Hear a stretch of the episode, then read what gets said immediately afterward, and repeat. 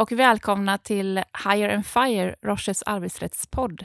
Idag är vi tre personer här i poddstudion. Och mitt namn är Jenny Welander Wadström och jag är ansvarig delägare för Roches arbetsrättsgrupp här i Stockholm. Jag heter Peder Boström och jag är senior associate i arbetsrättsteamet i Stockholm. Och jag heter Hilda Kangemark och jobbar som associate i arbetsrättsgruppen i Stockholm.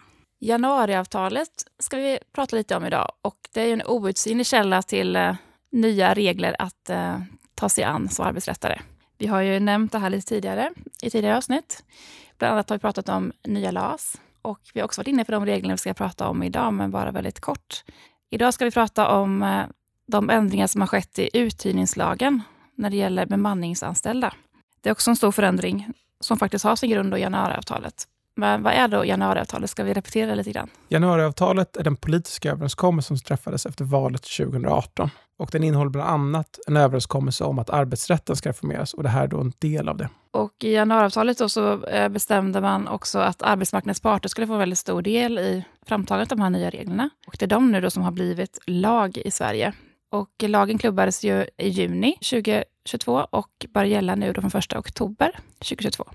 Men de regler vi pratar om idag, de kickar egentligen inte in ordentligt om två år. Men bara för det så kan man inte ta stilla i båten. Här gäller det att ligga steget före. Ja, ändringar som vi ska prata om idag har införts i lagen om uthyrning av arbetstagare. Och de reglerna har från början sin grund i bemanningsdirektivet som kom redan 2008 och infördes i Sverige 2013. Och de här nya reglerna som vi har nu från 1 oktober i år är lite en mix av dels saker och ting som inte har blivit helt rätt implementerade i um, tidigare implementering av bemanningsdirektivet. Men också har det sin grund i då januariavtalet och en, en politisk överenskommelse helt enkelt. För personaluthyrning har alltid varit en väldigt känslig politisk fråga. Så det är inte så konstigt att det också kom med då, tycker jag, i januariavtalet som viktig punkt, särskilt från fackens sida, skulle jag säga. De nya reglerna då i uthyrningslagen går ganska långt och blir ganska ingripande för företagen i bemanningsbranschen och för kundföretagen. Och man kan läsa i proppen att eh, vi går faktiskt ett steg längre än vad som direktivet kräver Eh, i vissa avseenden då, som vi kommer komma in på lite mer under avsnittet. Så det är lite en mix av att vi behövde implementera vissa delar av direktivet bättre, men också då att vi ville gå lite längre här i Sverige, rent politiskt. Lag om uthyrning av arbetstagare, som vi då ska prata om idag, är tillämplig när anställda i ett bemanningsföretag hyrs ut till ett kundföretag i syfte då att stå under kundföretagets ledning och kontroll. Det här har än så länge varit som säga, ganska oproblematiskt och inte varit föremål för speciellt mycket diskussion, givet att det inte har funnits några direkta krav som de bemanningsanställda kan egentligen ställa mot kundföretaget. Men i och med de här nya reglerna så kan man nog tänka sig att lagen kan aktualiseras i större utsträckning än vad som varit fallet tidigare. Och själva huvudsyftet med ändringen är ju att återigen poängtera att det ska vara en tillfällig lösning att hyra in personal.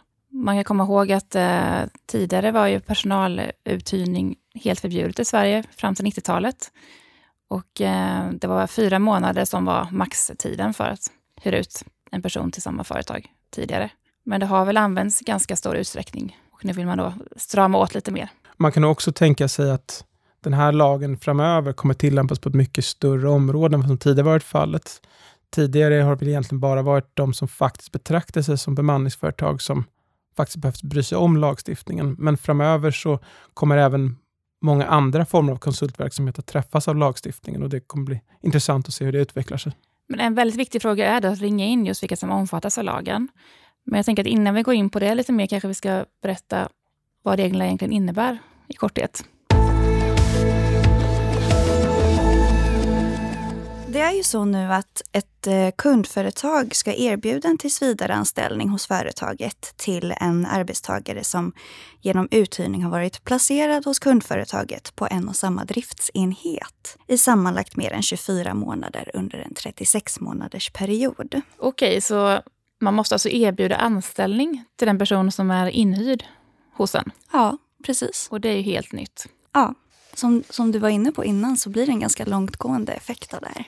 Och vad gäller då för att man ska få den här rätten som inhyrd att bli erbjuden anställning? Det finns ju vissa aspekter som man eh, tittar på då. Och en sak som man vill reda ut är till exempel vad en driftsenhet är.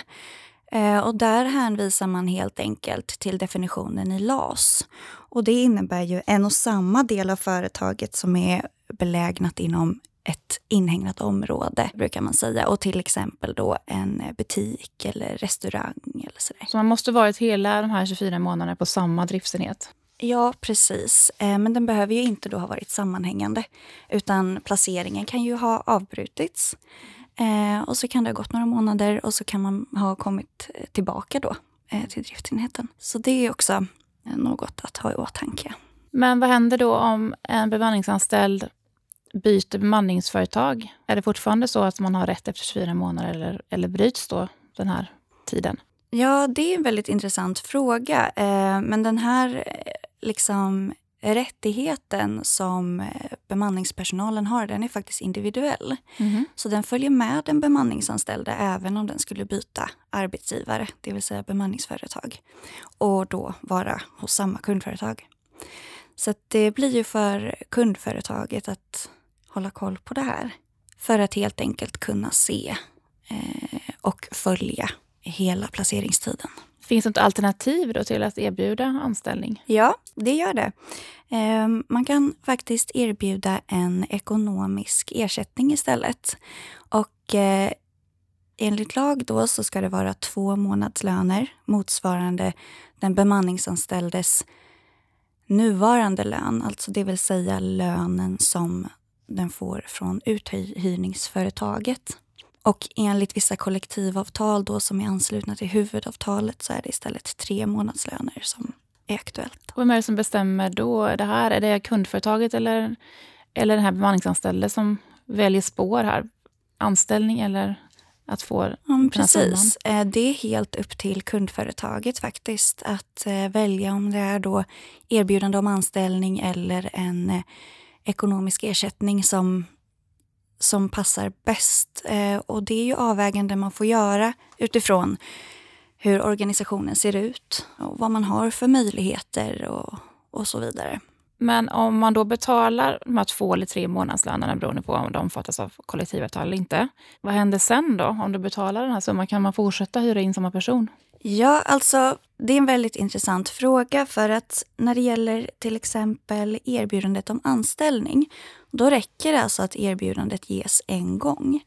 Och kundföretaget kommer då anses ha uppfyllt sitt krav enligt uthyrningslagen eh, och det står uttryckligen i proppen. Så även om den anställde tackar nej då, då behöver man inte betala ersättning utan då har man gjort det man ska. Exakt, och du behöver heller inte då erbjuda ny eh, anställning efter ett visst tag igen. Men när det kommer till ersättningen så står det faktiskt inte rakt ut att det gäller ersättningen också. Eh, men vi gör den tolkningen eftersom att det uttryckligen står så gällande erbjudandet om anställning. Så vi får väl helt enkelt avvakta och se, men vår tolkning nu är att det räcker att göra ersättningen en gång. Men om kundföretaget då bestämmer sig för att erbjuda anställning, hur funkar det då? Är det som vid verksamhetsövergång, att man övergår automatiskt eller hur går det till?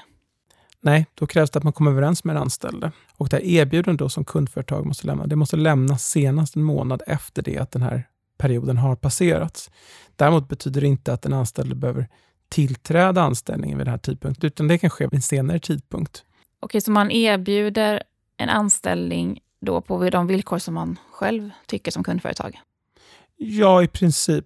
Villkoren får dock inte vara utformade på sånt sätt så att det liksom, syftet med villkoren är att få den anställda att tacka nej till det erbjudna arbetet. Men så länge man använder liksom sina vanliga avtalsmallar och erbjuder schyssta villkor så bedömer inte vi att det skulle vara något problem. Och vad händer då med eh, den här inhyrda arbetstagarens anställning hos bemanningsföretaget? Anställningen där upphör faktiskt bara. Det står i propositionen att man nog får tänka sig att det är naturligt att den anställde eller de, den uthyrde då meddelar bemanningsföretaget att man avser ta en anställning i kundföretaget. Men det finns ingen skyldighet vare sig för kundföretaget eller den bemanningsanställda att faktiskt meddela bemanningsföretaget att man byter arbetsgivare. Och det här är någonting som man inte ser någon annanstans i arbetsrätten. Att anställningen bryts automatiskt utan uppsägning. Ja, det är just vid verksamhetsövergång som det väl kan bli på det sättet. Men en viktig sak att ta med sig här som skiljer sig mot verksamhetsövergång, det är att man, man tar inte med sig sina villkor eller de rättigheter man intjänat i anställning, utan man, det blir en helt ny anställning. Så tackar man ja då till kundföretagets erbjudande, då är de villkor som gäller. Man tar inte med sig anställningstid eller intjänad semester. Och eh, ens nuvarande anställning då hos bemanningsföretaget, den upphör bara automatiskt samtidigt som man tillträder anställningen då hos kundföretaget. Precis så. Ja, mycket intressant. Det här blir väldigt stora förändringar för de eh, företag som använder mycket inhyrd personal och även för bemanningsbranschen förstås. Men frågan är ju egentligen då vilka som omfattas av de här reglerna. Det blir som du var inne på förut, Peder, väldigt viktigt att kunna definiera det eftersom det är då de här reglerna gäller som då är ganska ingripande. Nej, men och, och det har ju definitivt, som vi var inne på lite kort tidigare, slarvats med tillämpningen av den här lagen. Och det har ju nog förmodligen berott på att det inte funnits speciellt mycket att, att vinna på att vara betraktad som bemanningsanställd. Och många har nog så att säga, hellre velat se sig själva som IT-konsulter eller något liknande. Men vår bedömning är att det finns mängder av konsultbolag som bedriver sin verksamhet på sådant sätt att lagen definitivt är tillämplig på deras verksamhet. Och det kommer bli intressant att se hur det hanteras framöver. Och hur avgör man då vilka som omfattas? Ja, det, det är tyvärr ett område som inte är speciellt väl vad ska man säga, genomarbetat eller analyserat. Man kan konstatera att lagen uttrycker egentligen bara att om man hyr ut en anställd och ställer den då under kundföretagets ledning och kontroll så är lagen tillämplig. Vad som är svårt att avgöra i den frågan är hur mycket ledning och kontroll krävs det egentligen? För det är ju naturligtvis en självklarhet att man i alla konsultrelationer i någon mån kommer vilja styra över hur arbetet bedrivs eller vad produkten blir. Och det finns givetvis en gräns för när, när det så är som så vanlig konsultverksamhet. Men var gränsen mellan bemanning och vanlig konsultverksamhet går, det, det är otydligt. Så att det, det kommer spela roll hur mycket kundföretaget in och styr i hur verksamheten bedrivs och exakt hur produkten blir. Och det har sannolikt stor betydelse för lagens tillämpning vem som i slutändan är ansvarig för en produkt som levereras. De viktigaste faktorerna att titta på blir sannolikt dels då vem som i praktiken arbetsleder personalen och dels också vem som tar den ekonomiska risken för utfallet av produkten och också så att säga, vilken kvalitet produkten har. Men om man ska förenkla då, ren outsourcing när man lämnar över helt och hållet till någon att sköta till exempel sin reception, då bedömer vi att lagen inte är tillämplig, eller hur? Det kommer att bero på omständigheterna i enskilda fallet, mm. men rent generellt så är det nog på det sättet, ja. Men om man däremot um, hyr in extra personal att jobba i receptionen, från ett bemanningsföretag som jobbar tillsammans med ens egna anställda.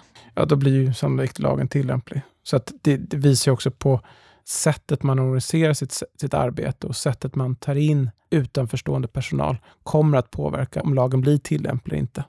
Och Det leder oss lite till nästa fråga. För som jag nämnde i början så är det ju först om två år som vi kommer se effekterna av den här regeln. För man ska då ha jobbat i 24 månader hos ett och samma kundföretag samma driftsenhet då för att ha eh, den här rätten att bli erbjuden anställning eller få ersättning. Men varför tycker vi att det är lite bråttom ändå? För nu börjar, den här, nu börjar det ticka på här ju, de här 24 månaderna. Ja, dels så behöver man ju naturligtvis ha koll på varje bemanningsanställds tid som den har varit placerad hos kundföretaget. Och dessutom så är det kanske inte helt självklart hur den här tiden ska beräknas. I lagen anges att man varit placerad hos kundföretaget. Men vad placerad betyder är inte helt tydligt. I den så att säga, mest mot arbetstagaren mest generösa tolkningen så räknar man då alltid från det att den anställde eller den bemanningsanställde blir uthyrd till kundföretaget till det att uthyrningen upphör. Men man skulle också kunna tänka sig att all frånvaro ska räknas bort från den här tiden. Så till exempel när den bemanningsanställde är på semester, när den bemanningsanställde är sjuk. Alternativt kan man även tänka sig att helger inte ska räknas med i tiden. Och det här är ingenting som propositionen på ett liksom, tydligt sätt redogör för hur det ska hanteras. Så här finns en stor osäkerhet. Men kontentan är att man behöver ha koll från och med 1 oktober redan och räkna tiden för de som man har inhyrda hos sig för att kunna veta när det har gått 24 månader. Ja, precis. Och då givet den osäkerhet som finns i lagen så bör man då även föra anteckningar angående alla typer av frånvaro och vilka dagar den bemanningsanställde faktiskt har varit inne och arbetat. För man har ganska kort tid på sig efter att den här 24 månadersperioden har uppfyllts att eh, vidta åtgärder då som kundföretag, det vill säga erbjuda anställning eller betala ut. Ja, men då har man då den här månaden och gör man inte det, då kan man bli skadeståndsskyldig i förhållande till den bemanningsanställde. Men Hilda, vad händer då om man nu väljer att eh, erbjuda anställning och sen så inser man att man inte har jobb för alla? Nej men det är såklart inte en jättetrevlig situation kanske. Men det är ju så att arbetsgivaren, alltså det vill säga kundföretaget, har ju fortfarande rätt att leda sin organisation och, och strukturera upp den. Så att är det så att man efter att ha erbjudit anställning och kanske liksom att anställningen har tillträtts och sådär, finner sig i en arbetsbristsituation, ja då är det ju den situationen som föreligger helt enkelt. Och för att inte försätta den nyanställda i någon typ av känsla att man har blivit lurad eller sådär så är det ju såklart bra att föra en transparent och öppen dialog med den bemanningsanställde då när man har den här dialogen om anställningen. Och det här blir viktigt eftersom den bemanningsanställde som blir anställd inte får tillgodoräkna sig sin anställningstid hos bemanningsföretaget utan man kan ju faktiskt hamna sist på turordningslistan. Ja, precis. Och då hamnar man ju i ett väldigt otacksamt läge som bemanningsanställd. Så vi rekommenderar att man är transparent helt enkelt. När man erbjuder anställning, om man redan då ser att det kommer inte finnas plats för alla så kanske man ska ta upp det redan då. Ja, precis. Men den här kostnaden då som uppstår om man väljer att inte erbjuda anställning, vem ska stå för den egentligen enligt lagen? Det är kundföretaget som står för den. Det är, det är faktiskt så att alla de här kraven som kommer i uthyrningslagen nu, de, de ställs ju faktiskt på kundföretaget. Eh, så de står hela risken för hela kalaset, så att säga. Så bemanningsföretagens risk är egentligen bara att de blir av med en anställd som de kanske ville fortsätta hyra ut. Ja, precis. Men här finns det ju intresse från båda parter skulle jag säga att, eh, att få det att fungera. Så man kan ju mycket väl ta upp en diskussion mellan kundföretag och bemanningsföretag. Ja, verkligen. Och Eftersom att lagen är otydlig i vissa aspekter så kan man ju i alla fall mellan parterna skapa någon typ av trygghet genom att avtala om till exempel olika kommunikationsrutiner, hur man ska förhålla sig när en eh, bemanningsanställd har accepterat en anställning till exempel, hur man ser på kostnader, ja egentligen de aspekterna som man tycker är oklara. Det är bara fördelaktigt att sätta det på papper parterna emellan med en gång egentligen. Och inte minst då frågan om man tycker att reglerna överhuvudtaget gäller i den typen av relation man har. Är det personaluthyrning eller inte? Det är inte fel att man är överens om det redan från början. Nej, exakt. Det underlättar eh, förmodligen jättemycket. Och vi tror ju starkt på att det är bra att ta tag i det här redan nu. För det kommer bli lite svårare att komma överens om de här frågorna när vi börjar närma oss de här 24 månaderna och det ska ut pengar eller anställda kommer sluta och, och sådär. Så att sitt inte hemma på kammaren och vänta utan ta tag i de här avtalen redan nu. Vi tror också att det är viktigt att man redan nu sätter sig och tänker igenom alla de konsultrelationer som man har och tänker igenom vad är vad av de här relationerna är bemanning och vad är inte bemanning? Och eventuellt också då i samband med det tänker om affärsupplägg och kanske i de fall det finns oklarheter om det är bemanning, kanske ändra relationen så att det blir tydligare att det inte är bemanning. Och Vi tror också att det är viktigt att man har en strategi för hela företaget och att de här frågorna kommer upp på bordet så man tänker igenom hur man organiserar sin verksamhet. Vi vet också med oss av erfarenhet att den här typen av frågor ofta ligger utspridda på flera olika avdelningar där inköp av konsulttjänster ofta inte ligger säga, hos arbetsrättsjuristerna eller HR-avdelningen utan att det snarare ligger på inköpsavdelningen. Och här blir det då jätteviktigt med att det finns en samordning i bolaget, hur de här frågorna hanteras så att inte olika frågor hamnar mellan stolarna. Ja, det är mycket att tänka på och en hel del oklarheter. Men vårt stora råd är ju att ta tag i det här redan nu och se över avtal och relationer för att vara beredd om 24 månader. Och med de orden avslutar vi dagens avsnitt av Hire and Fire. Tack för oss. Hej då. Hej då.